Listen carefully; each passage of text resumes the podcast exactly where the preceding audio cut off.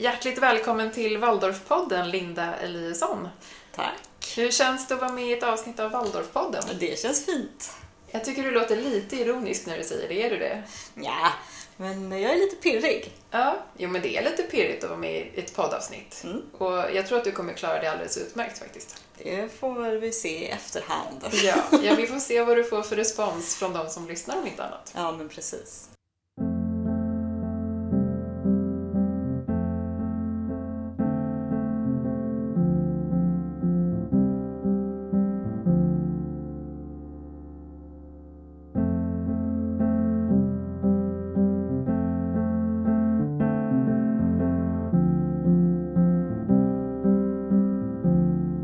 Återigen då Linda, varmt välkommen till Waldorfpodden. Min första fråga till många av mina gäster brukar vara, hur kom det sig att du hamnade i Waldorfvärlden? Ja du, det är en lång historia som vi ska göra lite kortare just nu. Men jag tänkte väl ganska länge att jag skulle bli lärare. Eh, men jag trivdes inte jättebra i skolan själv och tänkte att det måste finnas andra sätt att lära sig saker på. Hur det nu var så eh, var min mamma på Vidarkliniken och hon fick upp ögonen för att det fanns en Waldorflärarhögskola i eh, Järna.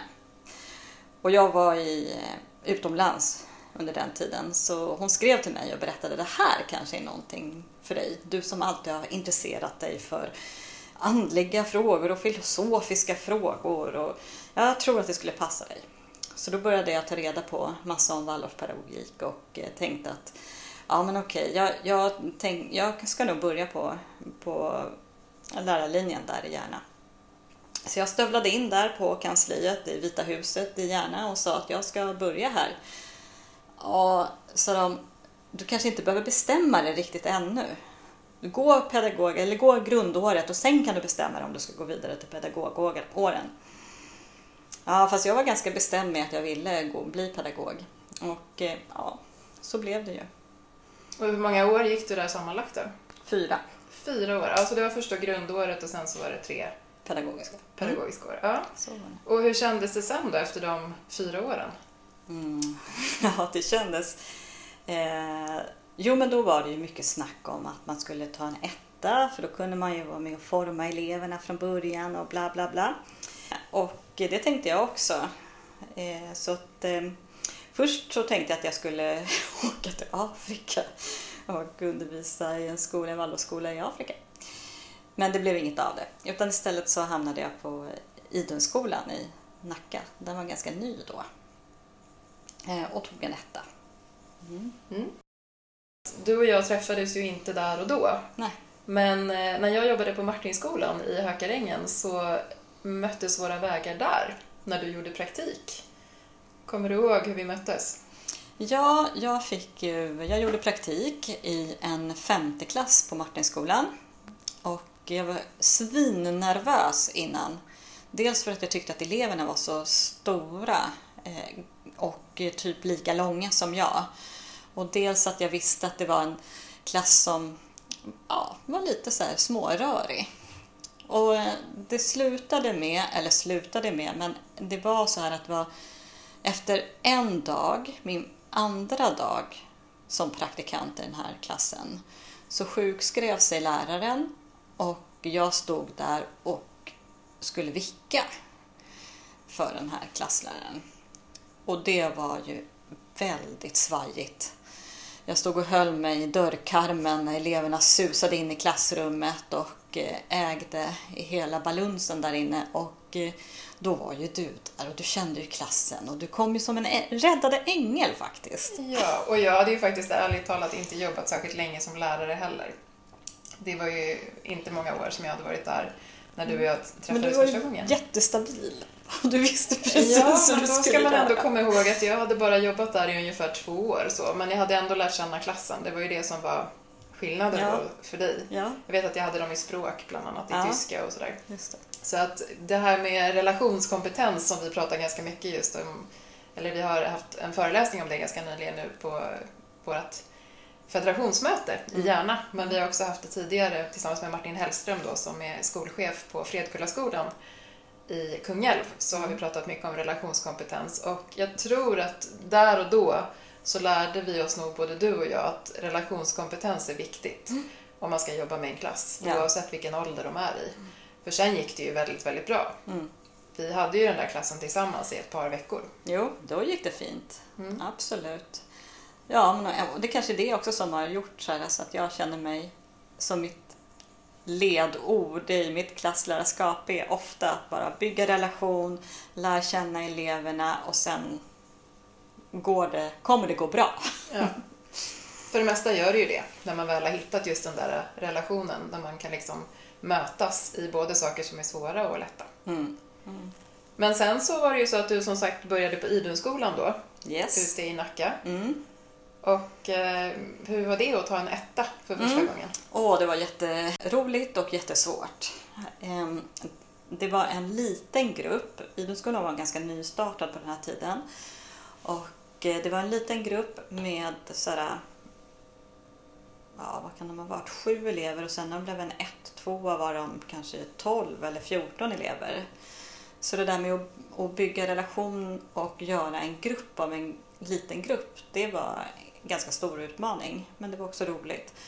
Och vi hade ju lite tillfälliga lokaler så att min klass som jag hade och jag, vi höll till i en liten, litet hus nere vid stranden som var på somrarna en glasskiosk och tidigare hade det varit en tvättstuga, fick jag veta. När jag kom dit på morgonen så gick jag först över en stor hästgård. Sen gick jag över en liten gräskulle och så kom jag till den där lilla stugan. Och så gick jag in och förberedde mina lektioner och sen öppnade jag dörren till stugan och ringde in mina elever. Och då ställde de sig upp på led och var så trevliga och så sa de så här, men fröken, eh, har du sovit gott i natt? ja, så jag. Ja, och sen kom jag och fattade inte den där frågan riktigt men efter ett tag kom det ju fram att de trodde ju att jag bodde i den där stugan. Och det skulle jag verkligen kunna ha gjort också. Men så var det. Jag har ju sett den här stugan, det är en väldigt gullig liten stuga. Då möttes våra vägar igen. Ja. Det känns nästan som att jag kanske följde efter lite sådär. Jag vet inte. Men eh, jag gjorde ju någonting helt annat än vad du gjorde i alla fall. Och det här har vi ju pratat om också, att, att när man utbildar sig till klasslärare så är det ändå inte alltid så att man, man tar en etta, precis som du ändå blev rekommenderad att göra, utan man, man kanske också väljer att bli ämneslärare eller man väljer att, Mm. som i mitt fall, faktiskt jobba på fritids också. Just det, det gjorde du. Och det är ju någonting helt annat. Mm. Sådär. Det kan Mm. man ta ett eget poddavsnitt om, hur det är att Mm. jobba på fritids i Waldorfskolan. Mm. Men jag minns i alla fall att vi hade en hel del att göra med varandra då också. Mm. Ja, du tog ju hand om mina elever på eftermiddagarna och alla konflikter. Ja, jag fick liksom ärva morgonens händelser. Japp. Det gör man ganska ofta på fritids, så det gäller ju att liksom ha med sig det i, i, i bakhuvudet. Att, Mm. att barnen har ju varit på skolan hela dagen Mm. när man kommer. För att oftast när du börjar på fritids, jag började kanske sådär vid 11-12 och jobbade till klockan sex liksom så, så att det var ju någonting annat sådär. Mm. Ibland hade jag morgonperioder och lite så också, hoppade in Mm. Mm. och vickade. Men jag tänker att du hade ju liksom startat upp dagen. Mm. Ja, och så här i efterhand så tänker man ju att dagen, alltså skoldagen är ju en ganska li- liten del av ett barns eh, dag i skolmiljö eller tillsammans med andra. Och, så att fritidsverksamheten blir jätteviktig såklart. Känner du det nu också sådär när du har liksom jobbat vidare? För du har ju haft två stycken klasser som du har följt på det här Mm. sättet Mm. i Waldorfskolan. Från ettan till, vad var det första, ettan till Femman, Femman. först och sen nu ettan till sjuan. Mm. Eh, vad känner jag sa du? Om du känner att liksom det här samarbetet med fritids, att det är viktigt? Det är superviktigt. Det är enormt viktigt och i ettan och tvåan och trean där, all, där nästan alla barn går på fritids så är det ju ja, allt eh, som hamnar på fritids hamnar ju hos mig som klasslärare dagen efter. Så att det är jätteviktigt att man har ett samarbete, ett tätt samarbete med fritidspedagogerna såklart. Mm. Och eh, att det finns forum för det också. Att kunna samtala och, eh, kring ja, vad det nu kan vara. Bra saker och dåliga saker. Mm. Känner man som klasslärare, jag tänker att nu har du haft ändå liksom, alltså just kunnat följa yngre åldrar vid två tillfällen sådär. Mm. Känner man att, man att det skulle kunna vara mer av det än vad det egentligen är? Alltså samarbetet med fritids? Eller känner du att du har fått tillräckligt mycket utrymme för det? Ja, jag känner nog att det har funnits tillräckligt med utrymme för det. Men jag tycker att man på ett organisatoriskt plan måste se över så att det verkligen finns möjlighet för det. Sen kommer det mycket an på vilka personer där man ska jobba med och hur samarbetet funkar och, och så såklart. Eh, och, eh, ja, det finns inga garantier för att det gör det men man måste göra det bästa oavsett. Och en, en sån sak är ju såklart att avsätta tid för att, det, att de samtalen kan uppstå som behöver uppstå. Du tog ju först en etta då på Idunskolan och sen så lämnade du Idunskolan och gjorde lite andra saker som jag tänker att vi ska komma tillbaka till sen. Eh, och sen så hamnade du så småningom på Kristofferskolan mm. i Bromma då, där du är nu. Var det någonting som du kände den andra omgången när du startade upp att det här gick ju mycket lättare den här gången? Just apropå att det var en utmaning att ta än första klass den allra första gången. Så. Mm, både och. Jag stod inför en helt ny situation, det var en ny skola eh, med massor av traditioner eh, och eh, förväntningar utifrån de traditionerna. Det visade sig att många eh, föräldrar i min nya klass hade själva gått på Kristofferskolan. Det hade jag inte mött tidigare. Där det var, på var mycket mer nybyggaranda och man var nyfiken på Waldorf och vad det kunde ge ens barn och så. Så var det här något helt annat och man tänkte att man visste väldigt mycket mer om Waldorf och framförallt om Kristofferskolan som institution eller vad man ska kalla det för. Ehm, och där blev jag lite tagen på sängen för för mig var det ju nytt. Jag hade inte varit på Kristofferskolan så jag visste ju knappt var matsalen låg. Eh, så det var lite annat. Eh, och sen att ta en etta igen, det kändes ganska tryggt. Jag visste vad jag skulle göra och jag jag visste väldigt mycket, alltså jag hade erfarenhet att luta mig tillbaka mot och jag visste mycket om åldersgruppen och, och så. Så det kändes helt okej okay på det sättet. Men det var just det där nya med att vara ny på en skola som hade så mycket traditioner och så anor som gick långt tillbaka i tiden. Men det var lite roligt också att kunna koncentrera sig på det på något sätt. Eftersom att jag, det andra kunde jag. Mm. Men kände du sen då efter det året att nu hade du liksom kommit in lite mer i det, som när du skulle in sen i tvåan och trean? Att du visste lite mer om hur skolan var, mm. alltså hur den fungerade mm. och hur mm. den var uppbyggd och sådär? Absolut, men det var... Ja, det, jag, jag, kan inte säga att jag, jag har nog inte har tagit lång tid att känna sig hemma på en sån, sån stor skola. Eh, men eh, ja, det, det är också kul och intressant. Mm. Hur många parallella klasser har ni nu? På? Det ser lite olika ut. Eh, sjuorna då, som, där jag undervisar nu, är vi tre parallelliga. Men eh, i andra klasser så kan det vara två parallelligt fortfarande, eller det är lite olika. Mm. Mm. Har ni hjälp av varandra någonting när ni som undervisar samma årskurs? Mm, absolut. Nu har vi inga regelbundna möten ännu i år. Kanske kommer få till det, det vet vi inte. Men eh, vi har, eh, jo, men vi har mycket samarbete och jag undervisar ju till exempel i en annan sjua också. En av de andra sjuornas lärare kommer in och undervisar i min sjua. Så det är väldigt roligt. Mm. Och det där kan man ju sakna lite när man har en parallell i skolan. Mm. Att just det där samarbetet med någon mm. som har samma årskurs. Mm. Så det är ju väldigt viktigt tror jag, att få till det där. Mm. Att känna att man är en del av någonting. Mm. Ja, men det har varit jätteroligt och genom åren som jag jobbat också på det sättet att vi har varit tre stycken klasslärare med samma årskurs och kunnat liksom ja, hjälpt till att sam samplanera perioder och prata om elever, att man har vet varandras elever och man har raster samtidigt och så. Du lämnade ju Idenskolan mm. och eh, det gjorde du efter att du hade haft ettan till femman där då. Mm. Hur kom det sig att du kände att du var, att du var redo att lämna Idenskolan och vad gjorde du istället? Ja, eh, jag tänkte att nu har jag varit här i fem år och eh, Ja, det kändes lite lagom att avsluta.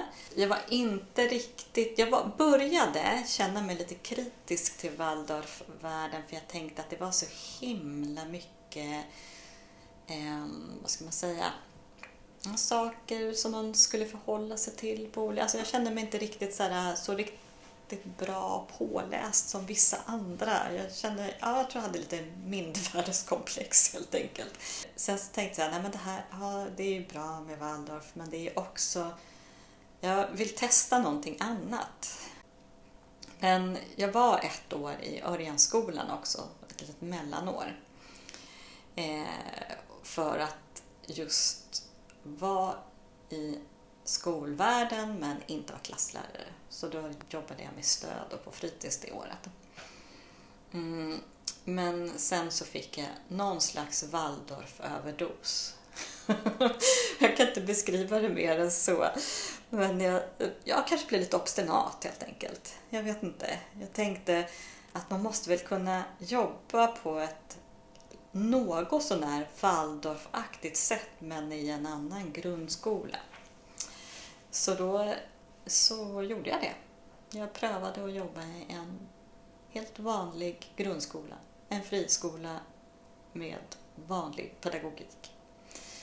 Och eh, när jag sökte det jobbet så sa jag att jag var Waldorflärare och eh, berättade om Waldorfpedagogiken lite light-version.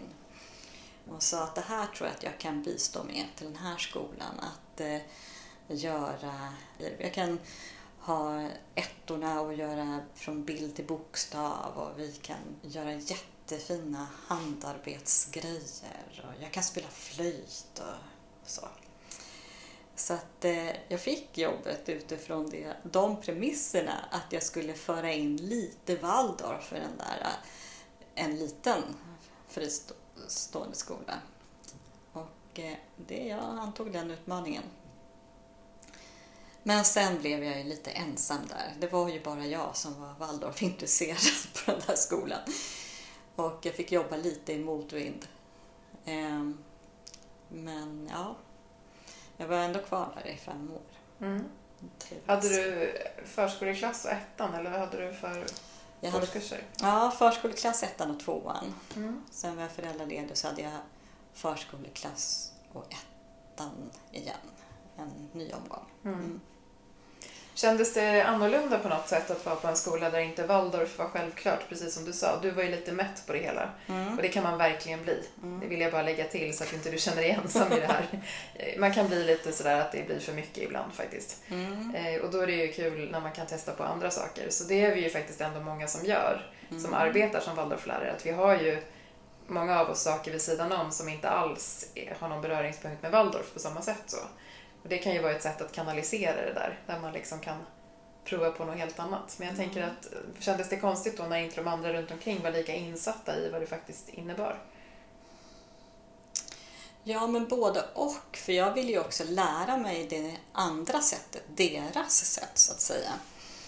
Så att... Eh, ja, men jag, jag, tror... Alltså jag funderade ju mycket på hur, hur hur, det här, hur man skulle kunna ta det bästa ur de båda pedagogikerna om man säger så. Eh, och upplevde ändå att de barnen som var i förskoleklassen, där kunde jag göra Waldorfgrejer som togs väldigt väl emot. Och eh, att jag kunde möta barnen också på ett sånt sätt som eh, kanske inte de var vana vid och inte deras föräldrar heller riktigt. De tyckte jag ofta att jag hade ett mycket mer genuint intresse kring deras barn och det är ju alltid en bra förutsättning för att de ska tycka att man är en bra lärare. Typ. Mm. Mm. så ja. Ähm, men sen så upptäckte jag ju svårigheter. Alltså om man tänker att en sexåring ska kunna sitta still vid en skolbänk då tänker jag att man tänker lite fel för det kunde de ju inte. Nej. Så rörelsen saknade du då? Att man liksom, just det här att leka och... Ja, men jag gjorde det ändå. Jag hade ganska fria tyglar.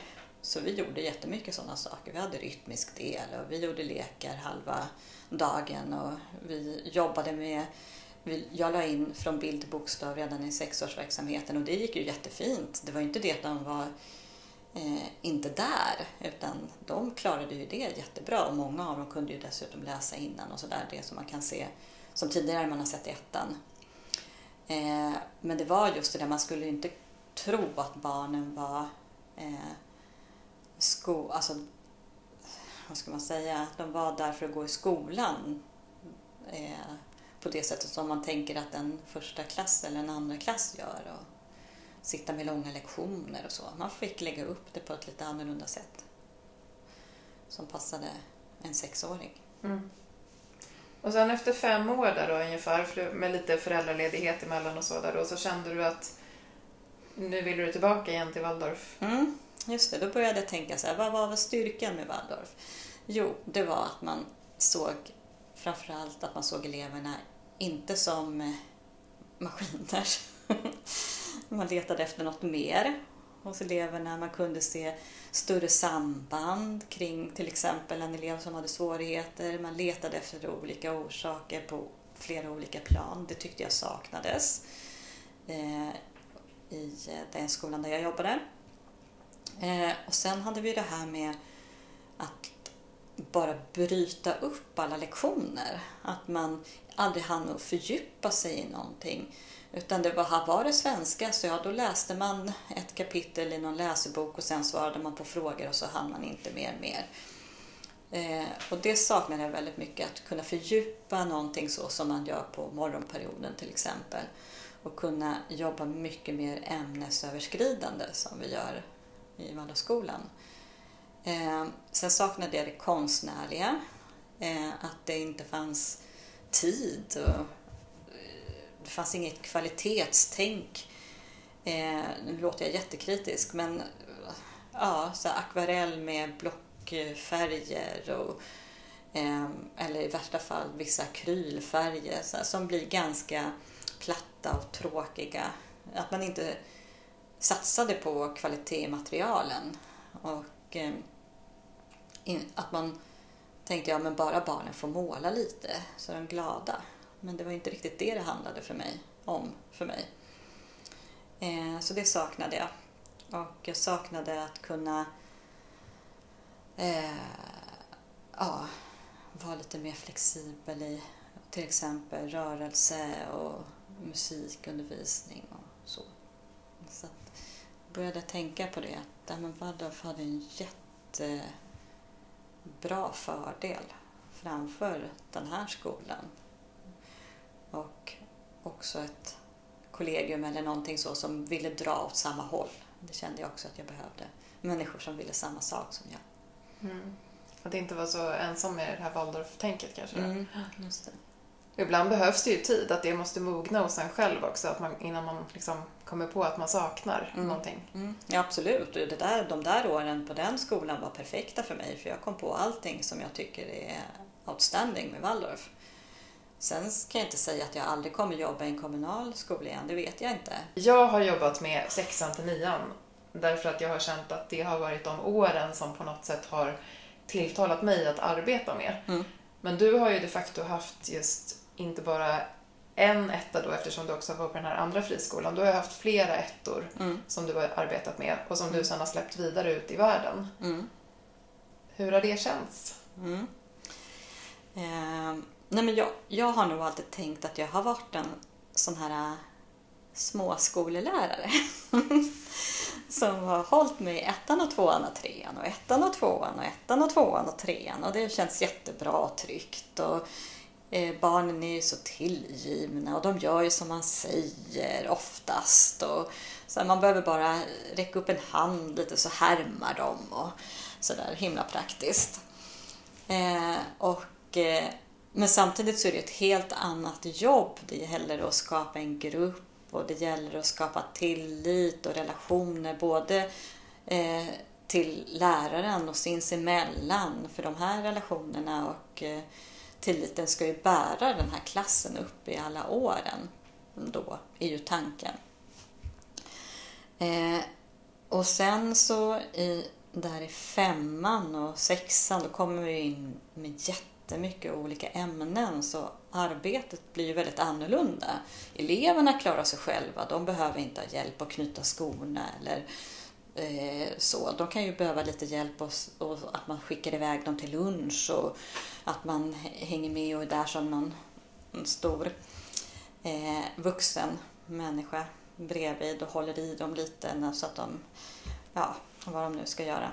Eh, men de får ju lära sig så otroligt mycket. Så arbetets karaktär från det här med att vara den här som knyter skosnören och Eh, se till att eleverna är rädda om varandra till att lära ut och att eh, verkligen undervisa.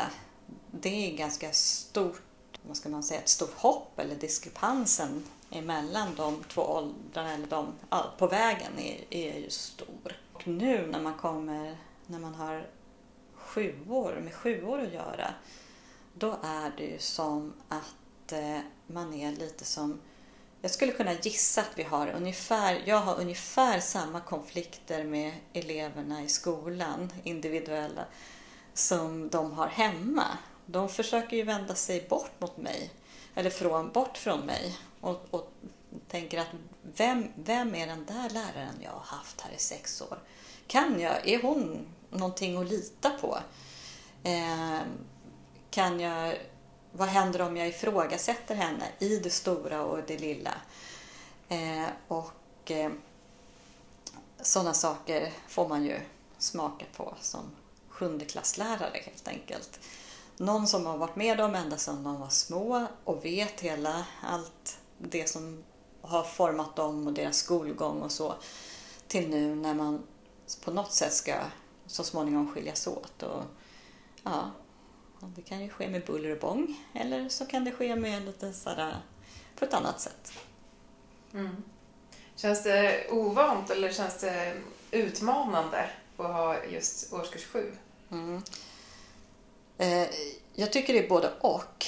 Och lite som eleverna så känner jag att jag lever mig i det där eh, varannan dags... Vissa dagar är fantastiska och vissa dagar är katastrof. Och lite så som jag tror att det är för dem också. Eh, en dag möter jag en elev med ett leende på läpparna och nästa dag möter jag samma elev som ser ut som ett åskmoln. Och det behöver inte vara från dag till dag, det kan ju vara från timme till timme också. Och då är ja, så det är jätte, det är en känslomässig berg och dalbana både för dem och för mig. Men det är väldigt spännande. Mm. Jag tror att det är lite det jag har tilltalats av under de här åren som jag har arbetat just med sexan till nian framförallt. Att det, vi använder ett uttryck ibland i Waldorfskolorna att vi säger att de stänger för ombyggnad, mm. eleverna. Mm. Och sen när de kommer ut efter den där ombyggnaden och är liksom tillbaka på eller de har öppnat upp affären igen eller de har öppnat upp liksom sig själva igen så, där, så, så är det ju någonting helt annat som man möter. Mm. Och det är i alla fall, tycker jag, värt att vänta på det. Mm. Ja. För det kommer något väldigt fint efter de där åren. Mm. Så kan det ju vara, men det är också jätteintressant att vara mitt i det där. Ehm, men det kräver också mycket av mig som lärare, att jag är eh, att jag försöker att vara samma varje dag. Att jag försöker vara samma människa och att jag står till exempel för mina värderingar. Jag kan inte säga en sak en dag och en annan sak nästa dag. Då blir jag genast ifrågasatt. Och de kommer ihåg. De minns precis liksom, vad vi har pratat om, till exempel i etiska dilemman som vi har hållit på med eller så moraliska frågor. Det är jätteintressant. Mm. De är ju lite lika tycker jag ändå som man är när man går i årskurs tre också. Mm. Och just kommer in i det här tvivlet även där då. Man kan ju se att det finns tydliga mm. likheter. Mm. Jag tänker att nu har ju du följt flera omgångar av klasser så, men du har ju framförallt haft just trean och sjuan nu då. Mm. Mm. Kan du se några likheter? Ja men verkligen. Eh, och det som du säger, man känner sig nog eh, som både elev i sjunde klass och elev i tredje klass väldigt utsatt. Alltså ens själsliv på något sätt är under så stor ombyggnad eller omstrukturering så att man blir väldigt, väldigt känslig. Eh, och det märks ju jättetydligt. Men om man ser skillnaden där så är en tredje klass, där lever de ju ut allting. De kan ju lägga sig på golvet och skrika att ingen tycker om dem eller att de är Eh, åh oh, nej, nu gjorde jag fel här i mitt periodhäfte. Det är kris och katastrof. Medan en sjunde klass, de upplever nog samma sak men stänger in allt inom sig. Och det kan ju vara ganska smärtsamt att se. Och att försöka liksom eh, hjälpa dem över det där. Det är svårare med de äldre eleverna då. Det blir så subtilt och inte alls lika tydligt. Mm. Och de som undervisar på gymnasiet berättar ju ofta om att det där återkommer sen när man går i årskurs 11, alltså mm. andra året på gymnasiet. Att det då återigen är att man drar sig undan lite grann eller drar sig tillbaka. Mm. Då brukar man ju försöka lämpligt nog att lägga in kanske en Parsifal-period ungefär samtidigt och så. Men att det, man försöker hitta perioder som mm. helt enkelt, eller undervisningsperioder då framförallt som matchar lite det som de är inne i. Mm. Ja men precis och det är också någonting som jag tycker är absolut en styrka med Waldorf där man försöker appellera undervisningsstoffet med något som händer i elevernas själsliv. Sen är det ju inte lika för alla men det är ändå en så otroligt bra och bärande tanke. Eh, och när vi samtalade i kollegiet här innan vi skulle starta upp läsåret så sa vi att ja, sjuorna de ska vi lämna lite i fred. De ska få ett år att andas ut. Ge dem fina, vackra berättelser. Ta dem med ut i världen genom upptäcktsresandena och genom att berätta om Asien och Afrika och Sidenvägen och allt vad det är vi ska berätta. Men också att eh, de här biografierna som vi pratade om blir så bärande. Att eh, ge eleverna möjlighet att förhålla sig till en annan person eh, som kanske har gjort något viktigt för världen eller som inte har gjort det men som ändå har någonting att berätta. Både du och jag har ju undervisat väldigt mycket. Vi nämnde ju det här tidigare att vi har känt varandra i, i ungefär snart 22 år är det i alla fall då. Mm. Nästa år är det 22 år som vi har känt varandra. Så det är ett tag nu. Mm. Eh, och det som jag tänkte, när kommer jag ihåg när jag hade mina första klasser sådär, det var att jag tänkte att ja, men nu när jag har haft den här perioden eller nu när jag har haft det här ämnet så kommer jag kunna återanvända en massa saker. Eh, och jag kände mig väldigt nöjd första gången som jag tänkte så, att ja, men vad skönt, då behöver jag inte använda liksom, tid till att planera och förbereda och så. Ack vad jag bedrog mig, ska jag säga då, därför att det har ju varit precis tvärtom, därför att alla klasser är ju unika och alla elever är unika. Och det har inte alls funkat. Det som kanske gick jättebra med klassen innan har inte alls alltid funkat att använda igen på samma sätt. Mm. Hur har du upplevt det, undrar jag, mm. under de här åren? Mm. Eh, jag håller verkligen med. Jag har hela min vind full med eh, så här, kartonger som är uppmärkta med pedagogiskt material eh, årskurs 1 till 3, pedagogiskt material årskurs 4 till 6. Och jag ska säga att jag har inte tittat speciellt mycket i de där kartongerna. För inför varje klass eller varje period så är det något nytt. Dels att man har blivit en annan människa själv men också att man står inför någon helt annan klass med helt andra elever, helt andra förutsättningar. Eh, men såklart, man använder ju gammalt material som inspiration och man kan tänka hur gick det och hur kommer det här funka i den här klassen? Eh, så att eh, Nej, ja, det, är lite, det är både och, men absolut att eh, man ska inte förlita sig på att man har allt bara för att man har gjort det en gång. Eh, ja, men som exempel när vi, när, när vi träffades på Martinskolan då hade ju den, den klassen, det var ju en femte klass, de hade kulturepokerna och vi skulle hålla på med Egypten. Jag visste ingenting om Egypten. Men jag chansade lite och tog det som jag var ju ändå hyfsat intresserad. Så att, eh, jag tog väl det jag tyckte eh, skulle passa och försökte. Men de var ju helt annorlunda än den klassen som jag har nu. Och när jag haft en period med den här klassen, när de gick i femman, då använde jag lite av det men gjorde om det materialet. Ehm, och bland annat så gjorde vi en, en eh, ett tema med eh, hand... Eleverna fick välja om de ville hålla på med hantverk eller mer teoretiska saker. Och Eh, det var väldigt lyckat för då kunde de, några fick göra, de som ville hålla på med hantverk, de kunde jobba med att bygga upp eh, gamla sandhus och, eller göra reliefer av eh, eh, ja, olika motiv hämtade från eh, pyramiderna och sådär.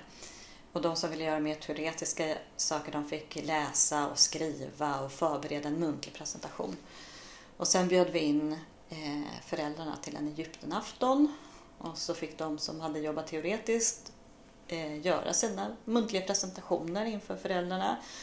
Och sen de som hade hantverk fick visa upp det och också föräldrarna fick pröva att hantverka tillsammans med sina elever. Eh, så det blev en jättelyckad avslutning på den perioden. Men det skulle jag ju inte vågat mig på i min första femma. Liksom. Så det är också olika vem man är som lärare, alltså vad, ja, på vilket sätt man har utvecklats som lärare. Vad mm. man gör och vad man inte gör. Mm. Och där måste jag ju säga att jag verkligen beundrar alla som arbetar som klasslärare.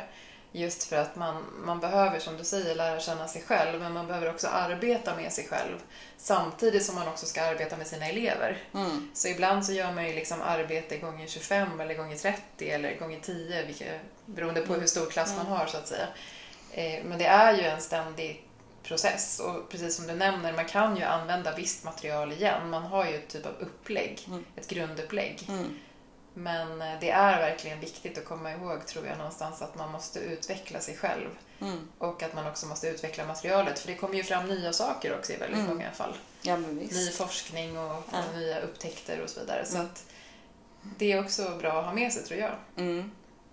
Ja, men verkligen. Och jag tänker att också om man då ska eh, mot, gå någon slags motström mot de här som tycker att Waldorfskolan är lite Eh, stofilartad eller liksom bara grundar sig på gamla traditioner och så då är det jätteviktigt att framhäva just det här att vi som jobbar i vardagsskolan vi eh, gör olika saker från gång till gång och att det är liksom, även om, om målet är detsamma med vår undervisning så finns det tusen olika angreppssätt.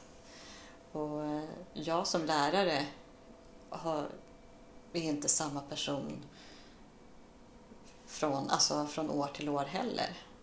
Så att det är ju jätteolika. Det kan se jätteolika ut. Mm. Apropå det när du säger det här, olika angreppssätt och, och just förkovra sig och sådär och, och, utvecklas. Du har ju valt att vidareutbilda dig lite mm. grann här nu. Mm. Vill du berätta lite, lite om det? Ja, ja eh, jag går på val då, vidareutbildning av lärare som den heter på Stockholms universitet. Och eh, där får jag då en statlig lärarexamen. Eh, och eh, då läser jag, då kommer jag få en inrikt mot, inriktning mot svenska och eh, matematikundervisning årskurs 1 till 6. Så jag läser 50 procent och jobbar 100 procent och det är på distans. Nu är det lite speciellt under coronatiden för nu sker ju allt eh, på Eh, över Zoom eller andra webbplattformar. Men tidigare har vi haft eh, ungefär fem till sex eh, campusträffar per termin. Och det har varit eh, jätte, jätteroligt.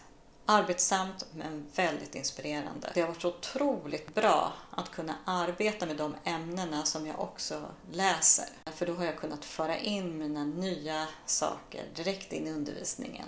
Visserligen har vissa av mina elever tyckt att ja, ska vi vara sådana där testkaniner nu igen? Och, men de har faktiskt tyckt att det varit ganska roligt också. Det har givit jättemycket in i, direkt in i undervisningen och också det att man får träffa andra undervisande lärare på andra skolor. Kunna jämföra, kunna samtala. Hur har ni det där och hur arbetar ni med det här? Och såklart är det många av de eh, lärarna som har varit intresserade av hur vi gör på Waldorfskolan också. Känner du att du kan berätta för de andra att du arbetar i Waldorfskolan? Mm, absolut. Jag, jag, tror att de, de flesta är väldigt nyfikna. Men sen kan jag... Ja, sen är det lite så här, ska jag berätta den långa versionen eller den korta versionen? Eh, och om man berättar den långa versionen så kanske de slutar att lyssna efter ett tag. Så ofta så tar jag den korta. Och hur känner du att lärarna har tagit emot, alltså de som undervisar? Det har varit lite blandad kompott, tror jag. Jag har känt mig lite nervös för att föra in för mycket så här, i mina examinationsuppgifter och så. Men, nej, men jag har ändå prövat lite. Jag har inte fått kritik för det. Så jag tänker att det är nog bra. Avslutningsvis, hur tycker du att de här åren har varit? Nu har det ju ändå varit ganska många år inom Waldorfvärlden. Så. Känner du dig nöjd med ditt val om vi går tillbaka till att det var din mamma från början där som sa att du borde kanske utbilda dig till Waldorflärare? Ja, eh, ja men det gör jag verkligen. Eh, jag tycker att det, det, är li, det, det är ju svårt ibland att vara lärare. Men jag är så glad eh, att jag har valt att vara Waldorflärare. Och det är jättegivande. Och det är så otroligt roligt att få träffa elever oavsett vilken form eller vad det är för elever. Det är så spännande att få följa också en klass på det här sättet. Och se. Och jag, det vet ju du som också har jobbat länge att vissa elever bär man ju med sig hela livet och sen träffar man dem när de är 20 och 30 år. Och ja, nej, det är något verkligen speciellt. Jätte... Ja, nej, jag ångrar mig inte alls. Roligt att höra. Det känns ju bra att du har med dig liksom, att du är nöjd med, med det vägvalet. Ja. Mm. Annars hade det varit lite sorgligt kanske. Sådär. Helt klart. Stort tack Linda för att du har varit med i det här avsnittet av Waldorfpodden. Jag hoppas att det inte var så jobbigt som du trodde att det skulle kunna vara. Nej, det har varit roligt. Det var roligt. Ja. Ja. Kan du rekommendera andra att vara med kanske också? Absolut. Prata om olika teman. Det tycker jag. Det tycker du? Ja. Vad roligt. Hoppas att du får det bra på Kristofferskolan med din klass och så ses vi igen i andra sammanhang. Det gör vi.